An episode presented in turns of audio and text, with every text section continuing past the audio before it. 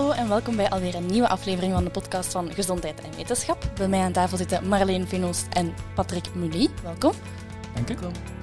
Um, ja, het meest gelezen loopje van de afgelopen maand was eigenlijk uh, of we afvallen van koffie. Um, kunnen we gewoon heel veel koffie drinken en vermageren we dan, Patrick? Het zou tof zijn, hè? Zeker? Eten wat je wilt, frietjes, curryworst en nadien een tas koffie en het is allemaal opgelost. Ja, spijtig genoeg is het niet zo eenvoudig. Het is wel een feit, koffie bevat cafeïne. En cafeïne zal door een beetje je lichaam stimuleren, je metabolisme iets sneller doen draaien. Maar dat betekent eigenlijk niet veel in de praktijk. Dus je gaat niet vermageren door koffie te drinken, door veel koffie te drinken en zo verder. Al die studies zitten dikwijls ook met grote problemen. Dat is dat zeer grote koffiedrinkers zijn dikwijls ook rokers. Ja, en rokers sowieso eh, hebben minder eetlust en zijn slanker. Dus Nee, spijtig genoeg, geniet van uw tas koffie, maar wees toch voorzichtig met die frietjes en die curryworst. Moeten we dan beginnen roken om te vermageren? Je, zou dat kunnen zeggen, want ik herinner me een studie waar men dus aantoonde dat uh, koffie zogezegd doet vermageren. En vermageren gaat gepaard met daling van suikerziekte. En dus de conclusie van de studie was, uh, koffie is goed tegen suikerziekte. Dat is een beetje een belachelijke conclusie, want dan kun je inderdaad gaan zeggen, ja, uh, roken doet vermageren, vermageren minder suikerziekte. Dus roken beschermt tegen suikerziekte. Dat is een beetje een absurd als redenering. Maar het is wel een feit dat nicotine op zich was een zeer goede eetlustrammer het is alleen spijtig dat er enorm veel nevenwerkingen waren voor hart en vaten en, en voor de longen en zo verder en zo verder. Ja, er zijn jonge vrouwen die uh, blijven roken om die reden, hè, of beginnen roken. Dan beginnen roken misschien niet, maar toch wel moeilijk stoppen omdat ze dan bang zijn voor die extra kilo's. Hè. Ik herinner me bijvoorbeeld adolescenten die, die begonnen te roken om toch op gewicht ah te blijven. dus en dan eten ze s'morgens niet, minder tussendoortjes, minder snacks. En dat werkt, hè. daar is niks aan, aan te zeggen. Dat is, dat is een middel dat goed werkt. Maar dat zijn meer nevenwerkingen dan eigenlijk werkingen. Misschien heeft dat ook een rol gespeeld in die obesitasepidemie de dag van vandaag. Hè. In de jaren 60 rookte 60% van de volwassenen, vandaag nog 20%. Ja, dat zijn veel mensen die gestopt zijn en misschien ze ook meer gegeten hebben en meer gesnoept hebben. Zou dat ook niet te maken hebben met het overaanbod van, van geraffineerde producten en koeken en, en snoep? De markt is ook veranderd. Hè. Die heeft er natuurlijk ook van geprofiteerd in de loop der jaren. Hè. Je kunt de markt van vandaag, de voedingsmarkt, niet vergelijken met de jaren 60. Elk jaar komen er duizenden voedingsmiddelen bij. Dat zijn meestal zoete uh, voedingsmiddelen, snacks. Er zijn geen fruit en groenten die bijkomen. En de verpakkingen worden al maar groter. Ja. Die kleine pakjes chips van vroeger, dat is nu, vind je, bestaan die nog eigenlijk? De, verpakkingen worden groter, want ik herinner mij als kind waren wij uh, absoluut tevreden met een kleine frisdrank van 250 milliliter. Vandaag de dag is dat 330 tot een halve liter en zo verder en zo verder. Trouwens, een leuke anekdote is dat men die heel grote uh, flessen van uh, frisdranken in Amerika van de markt genomen heeft, zo gezegd voor de gezondheid van de mensen, maar dat was de reden niet. De reden was eigenlijk zeer eenvoudig, dat die niet meer pasten in die bekerhouder in de wagen. Ah, maar ja, maar ja, maar. Laten we maar terugkeren naar het nieuws wat we nog gelezen ja, hebben. Dus uh, koffie, dat gaat ons niet per se doen vermageren. We mogen het wel nog drinken. Um, mogen we onthard leidingswater gebruiken, om koffie te drinken, om onze koffie te zetten? Wel, dat is natuurlijk ook zo'n uh, vrij ingewikkeld verhaal. Wat maakt uw water zo hard? Dat is natuurlijk calcium en magnesium. Dat zijn twee mineralen ja, een beetje een probleem, want die twee mineralen kan het lichaam wel gebruiken. uw lichaam heeft calcium nodig en uw lichaam heeft magnesium nodig. Dus wat doet men als men water gaat ontharden? Dat wil zeggen, men gaat calcium en magnesium eigenlijk er bijna uitfilteren en vervangen door een ander mineraal, natrium. En we kennen natrium zeer goed, want dat staat alle dagen op onze tafel. Dat zit natuurlijk in keukenzout, verbonden aan chloor. Dus uiteindelijk gaat je daar twee nuttige uh, mineralen, calcium en magnesium, eigenlijk gaan vervangen door natrium, dat we toch eigenlijk volgens de Hoge Gezondheidsraad zouden moeten gaan beperken om onze bloeddruk toch een beetje te doen dalen. Dus heb toch nog altijd een beetje twijfels of dat echt nuttig is om dat calcium en magnesium te gaan uithalen om uw uh, keukenapparaat te beschermen. Maar intussen doet je wel iets, misschien wel iets slecht aan uw bloeddruk, aan uw eigen leidingen in uw lichaam. Het is uh, kalk vervangen door, door natrium of door zout eigenlijk. Hè? Dat je kunt zeggen, maar, maar die concentraties die zijn toch wel heel laag, denk ik. We moeten opletten dat we geen flessenwater promoten. Nee, afvalberg en de... De flessenwater zou ik zeker niet gaan promoten. Leidingswater is stukken, stukken, stukken goedkoper in vergelijking met flessenwater. En toch even gezond, denk En ik. Even gezond, absoluut. Eh, Leidingwater wordt hyper gecontroleerd. Eh, nu moet je ook weten, in Antwerpen en Limburg is het water veel zachter dan in andere provincies. Dus sowieso stelt zich daar weinig problemen. Minder kalk in de bodem of zo, of dat daarmee te maken. Ja, dat heeft te maken met eh, waar, van waar het water komt en ook eh, de verwerking van het water nadien. Maar in het algemeen weet ik niet of het echt aangeraden is om uw calcium en magnesium in het water eh, te gaan vervangen door natrium. Eh, Het is ten andere, het staat duidelijk ook op die, die contracten dat het eigenlijk eh, afgeraden wordt aan mensen die een zoutarmdieet volgen. Het wordt ook afgeraden aan jonge kinderen, omdat er toch te veel zout in uw water Leidingwater. ontkalkt, eh, verzacht, ont- Ontkalkt. ont- Ah ja, onthard leidingswater. Ja, ja, Niet gewoon leidingwater, dat mag gebruikt worden, maar onthard leidingswater wordt in veel gevallen afgeraden. Juist omdat je zoveel natrium gaat toevoegen. En natuurlijk, de dosis maakt het gif. hè. Eh, als, je, als je daar een tas of twee koffie van drinkt, is dat geen probleem. Maar als je daar twee, drie liter per dag drinkt, of in soep, of in koffie, of in thee en Ja. andere bereidingen, ja. dan begint dat natrium toch wel een beetje op te lopen. En we hebben al zoveel natrium binnen. Ja, misschien is het dan niet slecht om, om machines zoals een wasmachine te ontkalken met, met eh, tabletten in plaats van heel uw water, eh, het hele water te Wel, die wateronthardingsmaatschappijen zullen het waarschijnlijk niet graag horen. Maar ik denk dat dat toch wel een interessantere aanpak is. Ja, moeten we eens verder, dat moeten we een keer verder onder de loep nemen. Ehm, over dranken gesproken, ehm, we hoorden ook dat bier ons kan beschermen tegen dementie. Ik denk dat veel mensen dat Oh, graag zullen horen. Dat horen we ook weer graag. Hè? Dan is de kans dat ik dementie krijg nul. maar spijtig genoeg geloof ik dat verhaal niet. Eh, het, is, het is dus heel ook weer al een eigenaardig verhaal van een publicatie die verschenen is. En eh, de klassieke publicaties die gaan dan eh, een groep vergelijken, die, een groep die veel bier drinkt, vergelijken met een groep die minder bier drinkt. En dan zie je wie dement wordt. Dat is hier helemaal niet het geval wat ze hier eigenlijk gewoon gedaan hebben. Dus gewoon gekeken naar de samenstelling van bier. Daar zit dat in en vitamines en, en weet ik veel allemaal in. En dat is allemaal. En dan dat gaan linken aan dementie. En een conclusie was, ja, inderdaad, eh, daar zitten stoffen in bier die kunnen beschermen tegen dementie. Ik geef je een voorbeeld.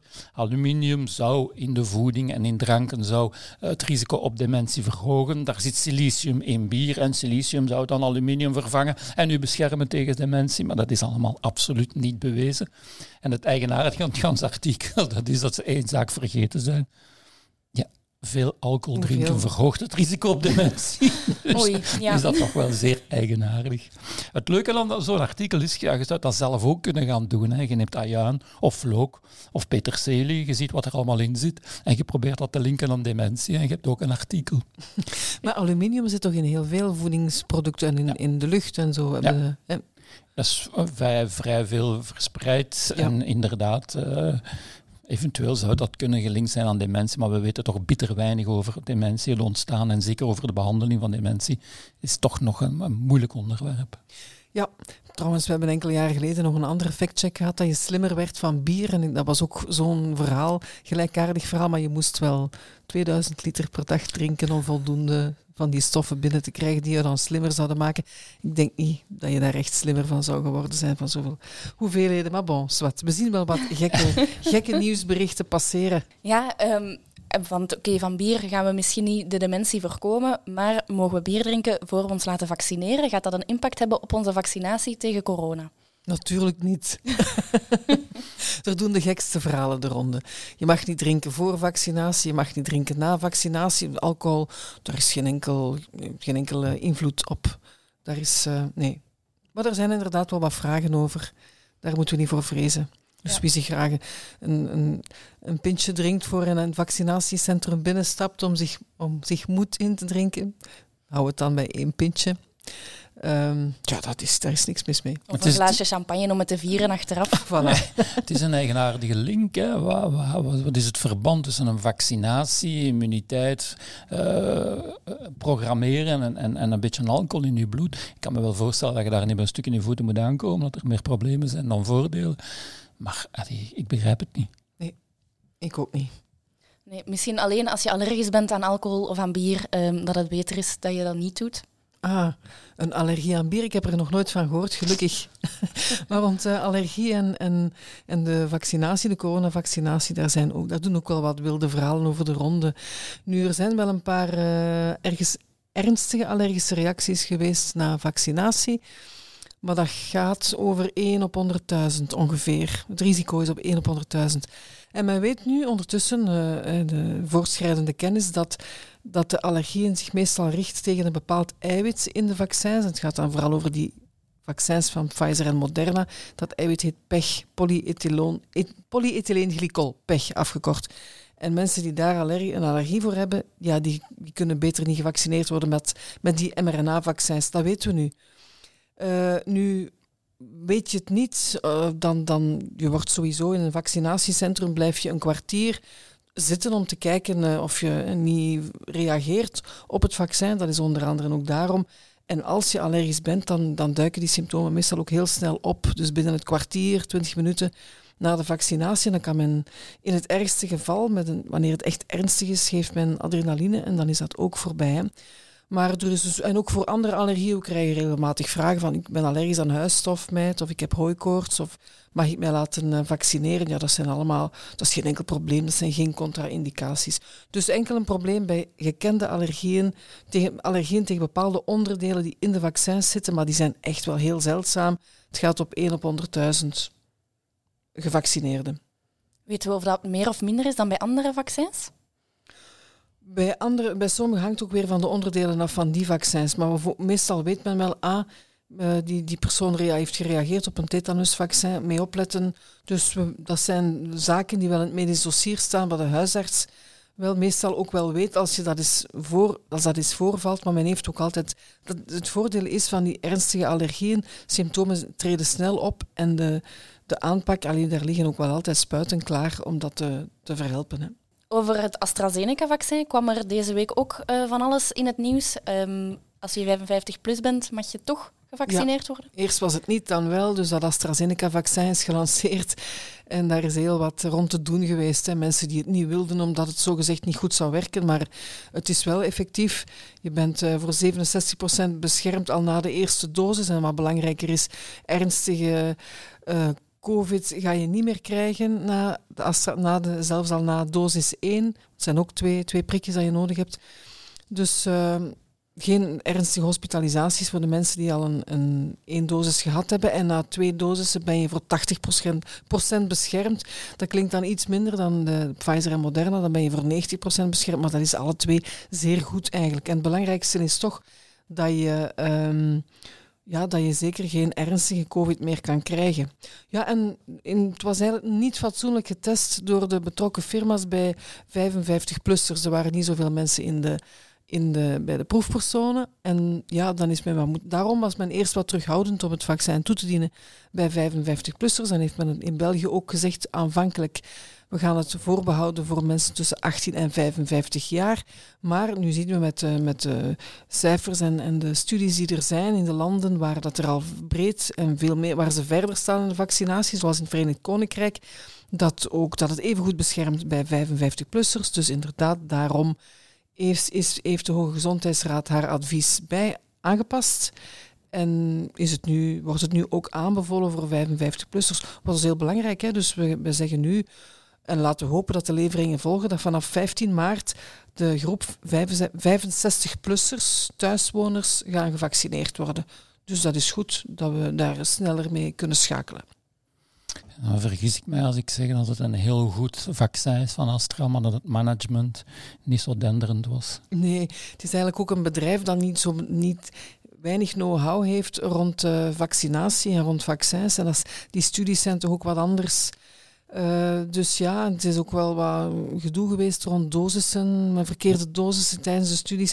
Dus ze hebben geen goede start gemaakt, ze hebben geen goede indruk gemaakt en ze hebben dat ook mogen voelen, want ze hadden echte perceptie tegen. Maar nu weten we wel, het is oké, het is veilig. En het is, kan ook zelfs in de zwangerschap uh, veilig gebruikt worden, net zoals de andere COVID-vaccins. Voor de zwangerschap gaat men het wel nog voorbehouden voor de mensen met een verhoogd risico. Dat zijn vrouwen die in de zorg werken. Maar um, het kan geen kwaad. En de studies met, bij zwangere vrouwen lopen nu ook. Dus men is die gegevens aan, aan het verzamelen. Het is een goed vaccin. Het is een goed vaccin. Het heeft wat wind, tegenwind gehad in het begin, maar het is, het is een goed vaccin. Allee, we hebben er dan toch al drie. En hopelijk uh, volgende leveringen gauw. We hebben het ook altijd over mRNA-vaccins als het over coronavaccins gaat. Maar bij AstraZeneca is het geen mRNA-vaccin. Nee, dat is een vectorvaccin. Eigenlijk gebruikt men een, een, uh, een virus, een adenovirus, dat, ja, dat voorkomt bij chimpansees. Het is, een, het is een heel onschuldig virus. Men heeft dat adenovirus, uh, is eigenlijk de drager waarin een stukje DNA van het coronavirus ingestopt wordt en dat wordt dan zo ingespoten. Het is een techniek die eerder ook al gebruikt is, een gekende techniek. En het feit dat dat adenovirus voorkomt en dat men gebruikt en manipuleert wel, bij chimpansees maakt, geeft ook de kwakkel, heeft ook de, ja, de ongerustheid gegeven dat mensen denken dat ze misschien in een chimpansee veranderen. Ja. Ik denk dat je alleen zorgen moet maken als je na de vaccinatie zin hebt in bananen. Dus we veranderen niet in apen. Nee. nee gelukkig. um, maar wel een effect van de vaccins is immuniteit. Um, je, kan, je, je bent beschermd tegen het coronavirus, maar hoe lang blijft die immuniteit? Weten we dat? Wel, wat weten we ervan? Zolang dat uh, de vaccins nu worden uitgerold, dat is, nog, dat is nog geen jaar. Dus zolang is men zeker al wel beschermd. Althans tegen de uh, klassieke Chinese variant, de Wuhan-variant zeggen we nu de oorspronkelijke, het oorspronkelijke coronavirus en de Britse variant. Gelukkig, want meer dan de helft van de besmettingen in België zijn ondertussen te wijten aan de Britse variant. Dus daar werken alle vaccins die we nu hebben goed tegen. Maar er komen nieuwe varianten aan en daar weten we nog niet goed uh, hoe dat, dat zit, de Zuid-Afrikaanse. Hm.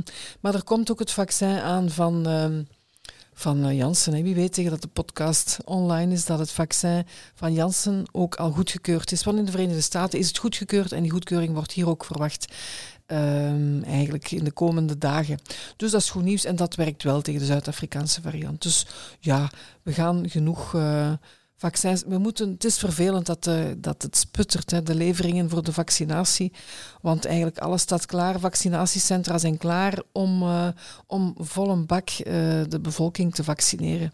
Maar je moet weten, er zijn 177 vaccins in ontwikkeling op dit moment tegen corona. We gaan 177? Er nog, ja, we gaan er nog. Die gaan niet allemaal de eindmeet halen natuurlijk, maar er gaan er zeker nog wel komen. Kan zo'n een massale vaccinatie van de hele wereldbevolking een ziekte volledig uitroeien? Ja, dat zou in principe wel. Dat is met, met pokken gebeurd. Hè. Het pokkenvirus is op die manier uitgeroeid door een massale vaccinatiecampagne. Maar dat is ook het enige. Het enige virus dat men heeft kunnen uitroeien door vaccinatie. Dit coronavirus met die varianten is het nog een beetje koffiedik kijken. En als wij nieuwe varianten hebben, moeten we opnieuw moet eigenlijk heel de bevolking en de wereldbevolking opnieuw gevaccineerd worden. Dus we zijn nog wel een tijdje bezig, denk ik. We zijn nog wel een tijdje bezig. Trouwens, en ook een, vaak een vraag die ik van uh, hoe lang ben je immuun als je zelf COVID hebt doorgemaakt. Ook als je milde vorm hebt gehad, dan ben je natuurlijk ook een tijd immuun. Dat is, da, daar is ook wel wat discussie over, maar toch wel zes tot acht maanden, zeggen de meeste studies. Sommigen zeggen, u kan vrij na drie maanden al besmet worden en opnieuw ziek worden, maar dat is toch eerder echt wel zeldzaam. Dus minstens een half jaar ben je dan toch wel zeker dat je niet meer ziek kan worden door dat smerige virus. En is er een verschil in de immuniteit na vaccinatie of na ziekte? Of is dat hetzelfde? Eigenlijk is er geen verschil, maar men vermoedt wel als je het echt een asymptomatisch hebt doorgemaakt, dat je veel minder antistoffen maakt. Dus als je ernstiger, als je echt ziek bent geweest, meer antistoffen, dat is wel meestal zo. En een asymptomatische infectie, hè, loopt 20% eh, van de corona-infecties zijn asymptomatisch, zeker bij jongeren.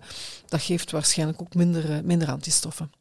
Maar geldt die redenering dan ook bij de vaccinatie? Als je daar hevig op reageert, dat je dan meer bescherming hebt dan iemand die niet ja, reageert? Ja, daar zit wel iets in, want de ouderen in onze zorgcentra die eerst gevaccineerd zijn, die hebben eigenlijk weinig nevenwerkingen gehad, maar die hebben ook een minder sterke immuunrespons. Ja. En bij jongeren, die, die, de zorgverleners die nu gevaccineerd worden, zien we iets meer hevige reacties. Ja, dat is, geeft meestal een iets betere bescherming. Ja. Zijn jullie al gevaccineerd?